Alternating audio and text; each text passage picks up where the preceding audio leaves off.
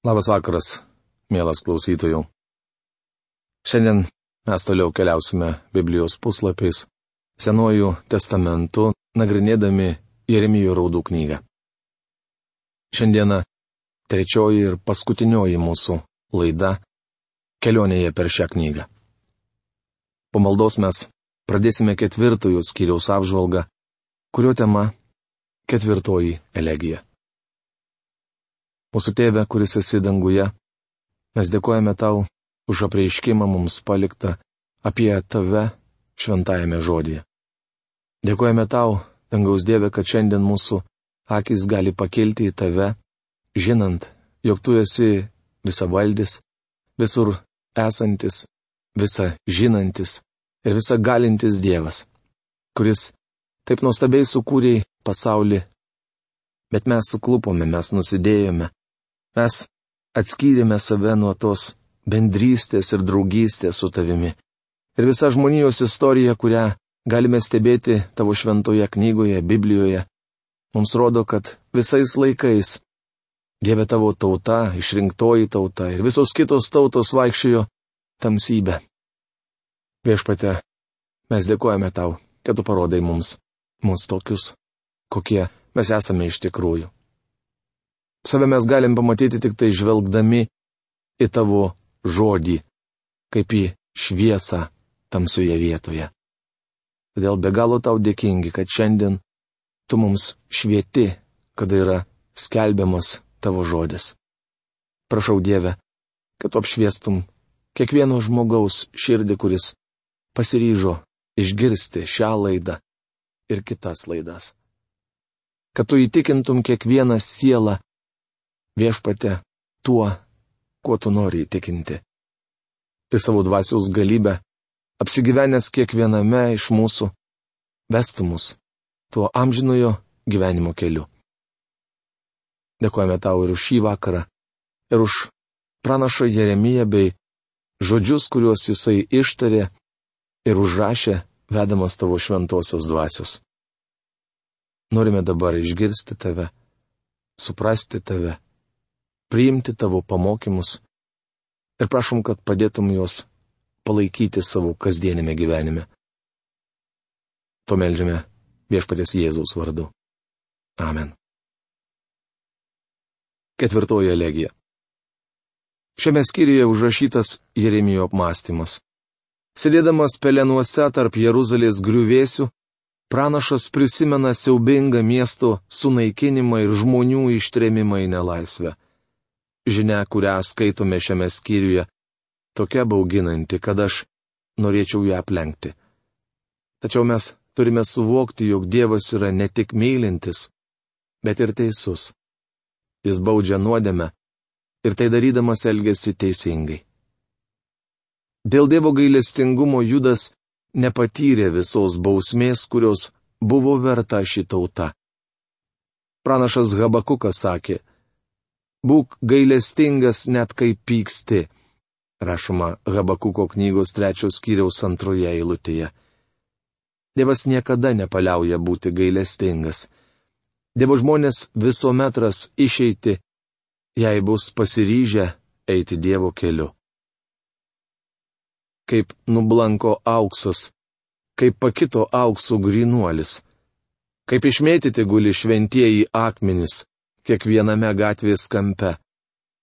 Brangieji Siono vaikai, kadaise vertingi kaip grinas auksas, dabar laikomi moliniais indais, puodžiaus rankų darbu.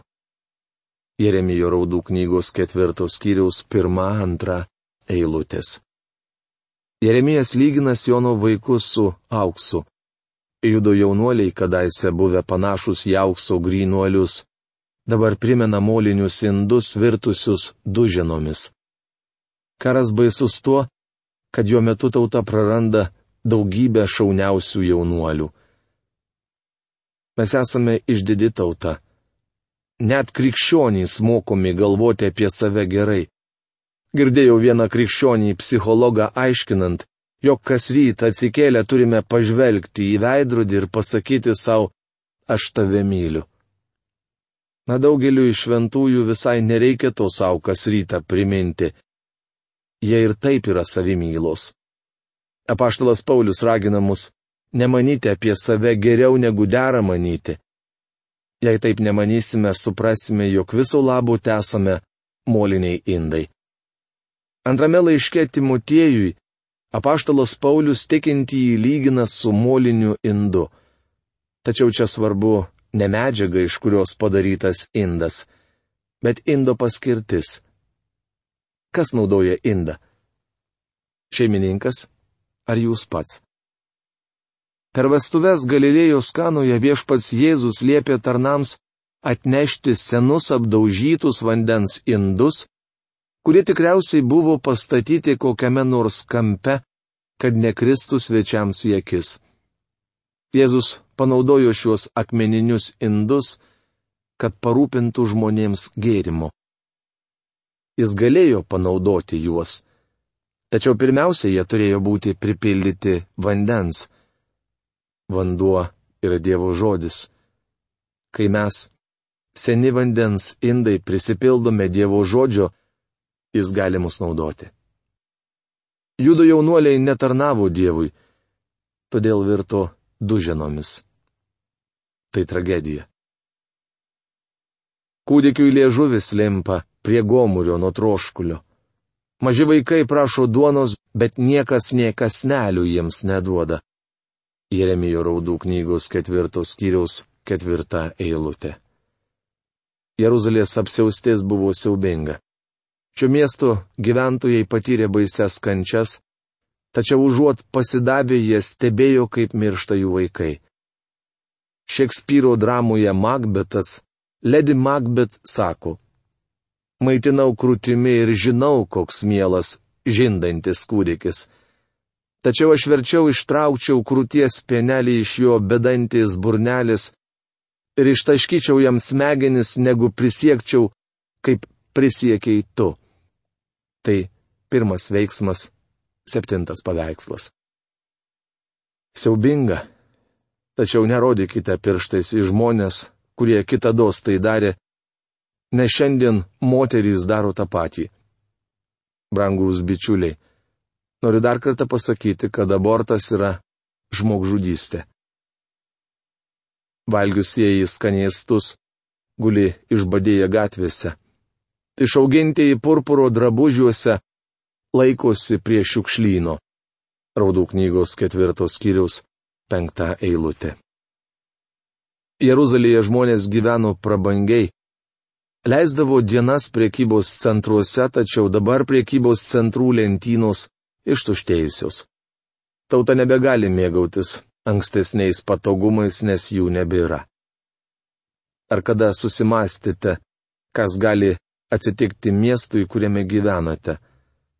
Tarkime, po savaitės nueitumėte apsipirkti ir pamatytumėte, kad lentynos, kurios šiandien lūšta nuo maisto produktų gausos, yra visiškai ištuštėjusios. Arba vieną vakarą paspaustumėte elektros jungiklį ir šviesa neįsijungtų. Įsivaizduokite, kas būtų, jei jums būtų nutrauktas dujų tiekimas, išjungtas centrinis šildymas, o degalinėse nebegalėtumėte nusipirkti degalų. Mūsų tauta imtų kaukti iš nevilties. Taip nutiko Jeruzalės gyventojams, nes Dievas baudė juos. Kaltė dukters mano tautos buvo didesnė už Sodomos nuodėmę, o ji buvo sugriauta vienu akimirksniu, nepakėlus prieš ją rankus. Raudų knygos ketvirtos skyriaus šešta eilutė. Dievas baudė Jeruzalę griežčiau negu Sodomą ir Gomorą.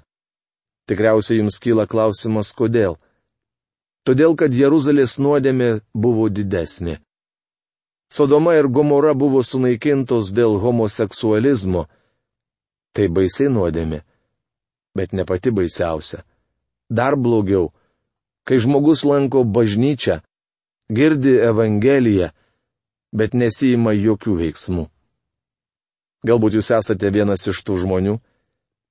Mielas bičiuli, Jėzus Kristus numirė už jūs. Dievas gailestingas jums, bet jūs atsukote jam nugarą. Todėl Dievas teis jūs griežčiau negu Afrikos pagonis. Nesirūpinkite dėl pagonių, gyvenančių tolimuose kraštuose. Susirūpinkite savimi. Ar jūs priėmėte Dievo malonę, kurią jis siūlo Jėzuje Kristuje? Jos nazyrai buvo tyresni už sniegą, baltesni už pieną. Jų kūnai rausvesni už koralą, safyros spalvos. Jeremijo raudų knygos ketvirtos kiriaus septinta eilutė. Kaip matome, jie buvo tikrai išvaizdus, ar ne? Reikia pasakyti, kad šiandienos religija yra patraukli. Iškyla naujos bažnyčios ir krikščioniškos mokymo įstaigos su erdviomis banketų salėmis. Tokiuose mokyklose sudaromos puikios sąlygos žaisti tinklinį bei krepšinį, formuojamos beisbolo komandos. Iš pirmo žvilgsnio viskas atrodo nuostabu. Matote, nazirai duodavo savanoriškus įžadus. Tai darė dauguma izraelitų. Dėl to jie susilaukdavo pagirimų ir atrodydavo šaunus kitų akise, tačiau visa tai buvo tik išorinis pasikeitimas, o jų širdys nesikeitė. Aš nieko neturiu prieš gražius bažnyčios pastatus. Tačiau baisu, kai juose renkasi žmonės, kurie nėra nauji kūriniai Kristuje Jėzuje ir daro senas nuodėmes. Taip Jeremijas apibūdina judo tautą. Geriau žūti nuo kalavijo, negu nuo bado.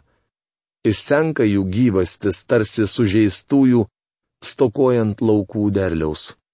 Jeremijo raudų knygos ketvirtos skyriaus devinta eilutė. Nors Jeremija savo akimis matė siaubingą Jeruzalės sunaikinimą ir mirštančius tautiečius, jis sako, jog verčiau būtų žuvęs, nes likusių gyvųjų būklė buvo tragiška. Geraširdės moteris pačios išvirė savo vaikus. Jie tapo joms maistu, kai duktė mano tauta buvo sunaikinta. Raudų knygos ketvirtos skyriaus dešimta eilutė. Panašus dalykai dėjosi 70 metais po Kristaus prieš Titui sunaikinant Jeruzalę. Žmonės buvo taip išbadėję, kad motinos turėjo atiduoti savo kūdikius suvalgyti. Mes kraipome galvos iš pasibaisėjimo, tačiau šiandien daugelis motinų daro tą patį, pasidarydamos abortą jos žudo mažylius. Jei nenorite turėti kūdikio, elkitės atsakingai prieš tai, kai vaisius dar neužsimesgė iššiuose. Dievas davė moteriai galimybę gimdyti vaikus ir nori, kad pastojusi jį netimtų iš kūdikio galimybės išvysti šį pasaulį. Dar kartą kartoju, kad nuo pat prasidėjimo akimirkos vaikas yra asmenybė, o neštumo nutraukimas yra žmogžudystė. Tai dėl jos pranašų nuodėmių, ir dėl jos kunigų nusižengimų, praliejusių joje teisiųjų kraują. Jeremijo raudų knygos ketvirtos skyriaus trylikta eilutė. Nesakydami tautai tiesos, netikri pranašai ir kunigai prasikalto žmogžudyste, taip jų elgesi įvertino Dievas. Šiai kategorijai priklauso ir pamokslininkai, neskelbentys žmonėms Dievo žodžio ir nepaaiškinantys, kaip jie gali išsigelbėti. Mėlyjei, tai ne mano žodžiai. Taip kalba Dievas. Jis sako, kad esate kaltas, jei neskelbėte Dievo žodžio. Pas viešpats juos išblaškė ir juos daugiau neatsižvelgs. Jie nerodė pagarbos kunigams, nei malonės seniūnams. Jeremijo raudų knygos ketvirtos kiriaus šešiolikta eilutė. Žmonės nekreipė dėmesio į tautos kunigus, kurie skelbė Dievo žodį. Jeremijas buvo Dievo pranašas, bet tauta jį ignoravo ir už tai Dievas ją baudė. Akis pražiūrėjome, vis laukdami pagalbos, bet veltui. Laukte laukiame tautos, kuri negalėjo mūsų išgelbėti. Jeremijo raudų knygos ketvirtos kiriaus septyniolikta eilutė. Izraelio tauta turi suprasti šią pamoką. 1948 metais jis sugrįžo į savo kraštą bet ne Dievo, o jungtinių tautų organizacijos dėka. Nuo to laiko izraelitai neturėjo nie minutės ramybės. Jie nuolat kariauja arba laukia naujų teroristinių išpolių. Ši tauta neatsigrėžė į Dievą ir Dievas nesugražino jų į jiems priklausantį kraštą. Nesupraskite manęs klaidingai. Manau, žydų sugrįžimas į Izraelį buvo įspūdingas įvykis. Daktaras Albrightas sakė, nieko panašaus žmonijos istorijoje nebuvo.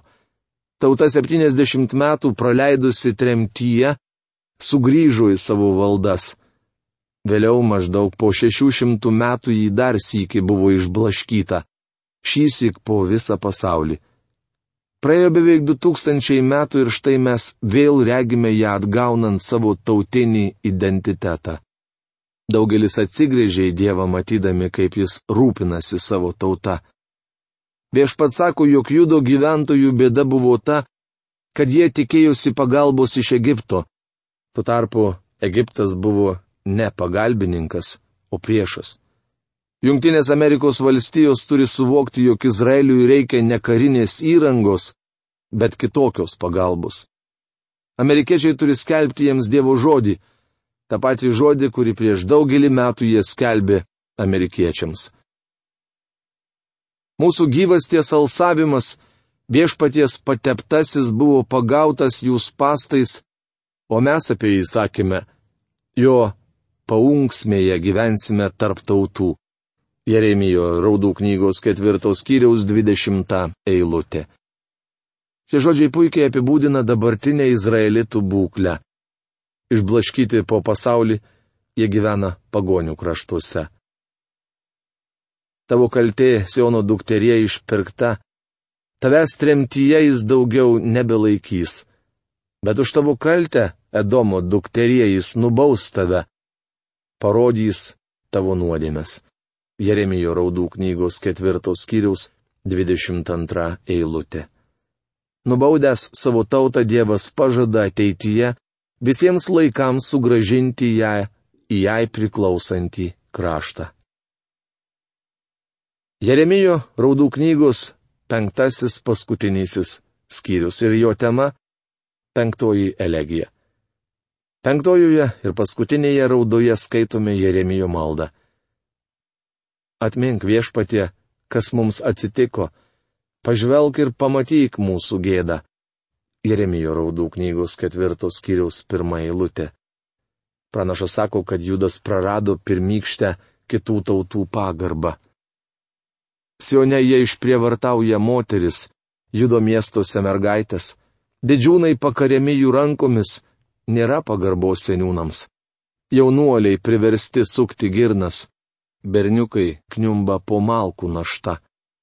Jeremijo raudų knygos penktos kiriaus 11-13 eilutės. Jų moteris buvo išprievartautos, o didžiūnai pakarti. Tauta neteko visko, ką kitados turėjo. Likę gyvi jaunuoliai tapo vergais ir buvo priversti dirbti nebukad necarui. Dingo mūsų širdies džiaugsmas, gedulų virto mūsų šokiai. Raudų knygos penktos kiriaus penkiolikta eilutė. Jų širdis nustojo džiaugsmo. O tu viešpatė viešpatauji amžinai, tavo sostas tveria per visas kartas. Kodėl mus visiškai užmiršai? Kodėl mus palikai taip ilgai? Sugražink mus viešpatė, kad galėtume sugrįžti. Atnaujink mūsų dienas kaip anksčiau. Jeremijo raudų knygos penktos kiriaus 19-21 eilutės. Jeremijas meldžiasi už savo tautą. Tai gera pamoka mums. Greškime į viešpati, kol nevėlu. Prieš daugelį metų Danielius Websteris užrašė žodžius, kurie skamba kaip pranašystė. Jei visuomenė neskaitys religinių knygų ir nesigręš į Dievą, nežinau, kas laukia mūsų tautos. Jei neskleisime tiesos, kažkas kleis melą. Jei žmonės nepriims Dievo ir jo žodžio, atsiras vietos velniui ir jo darbams. Jei kiekvieno kaimelio nepasieks Evangelija, pasieks nepadori literatūra. jei visame krašte neįsigalės geroji naujiena, įsiviešpataus anarchija, netvarka, sugėdimas, tuštybė, pasileidimas ir tamsybė. Na ir reginys. Šiandien pedagogai draudžia mokyklose skaityti Bibliją, bet remdamiesi elgesio laisvę, leidžia vartyti pornografinius žurnalus. Jei galime elgtis kaip norime, kodėl tad neturime teisės skaityti mokyklose Biblijos, ypač kai tuo pageidauja dauguma. Laikotarpiu nuo 1775 iki 1787 metų, kai kūrėsi amerikiečių tauta, didžioji visuomenės dalis pritarė Benjamino Franklino teiginiui, kuo ilgiau gyvenu, tuo labiau įsitikinu, jog Dievas tvarko žmonių reikalus. Jei Junktinėse Amerikos valstijose neįvyks rimtų pasikeitimų, o ir ne tik juose, jų laukia toks pat likimas, koks ištiko senovės Babiloną. Daktaras Meičianas sakė, Amerika rytasi pakalnin palikdama už nugarį savo dievų baimingus protėvius. Šiandien daugelis tautų jau yra pasiekę patį dugną. Raudų knyga be galo aktuali, tačiau ji nebus išrinkta mėnesio ar metų knyga. Gaila, kad žmonės nenori jos klausytis. Mielas klausytojų, šiandien mes su jumis užbaigėme Jeremijo raudų knygos apžvalgą. Kitoje mūsų laidoje mes su jumis vėl peršauksime į Naująjį Testamentą ir pradėsime apžvalgą vieno iš apaštalo Pauliaus laiškų, tai yra pirmą laišką Timotėjui. Na, o aš šiandieną noriu su jumis atsisveikinti, tikėdamas, kad jūs neišsiblaškysite dar savo mintise, bet tinkamai pasvarstę padarysite tinkamus sprendimus gyvenime. To linkiu jums iš viso širdies. Sudė.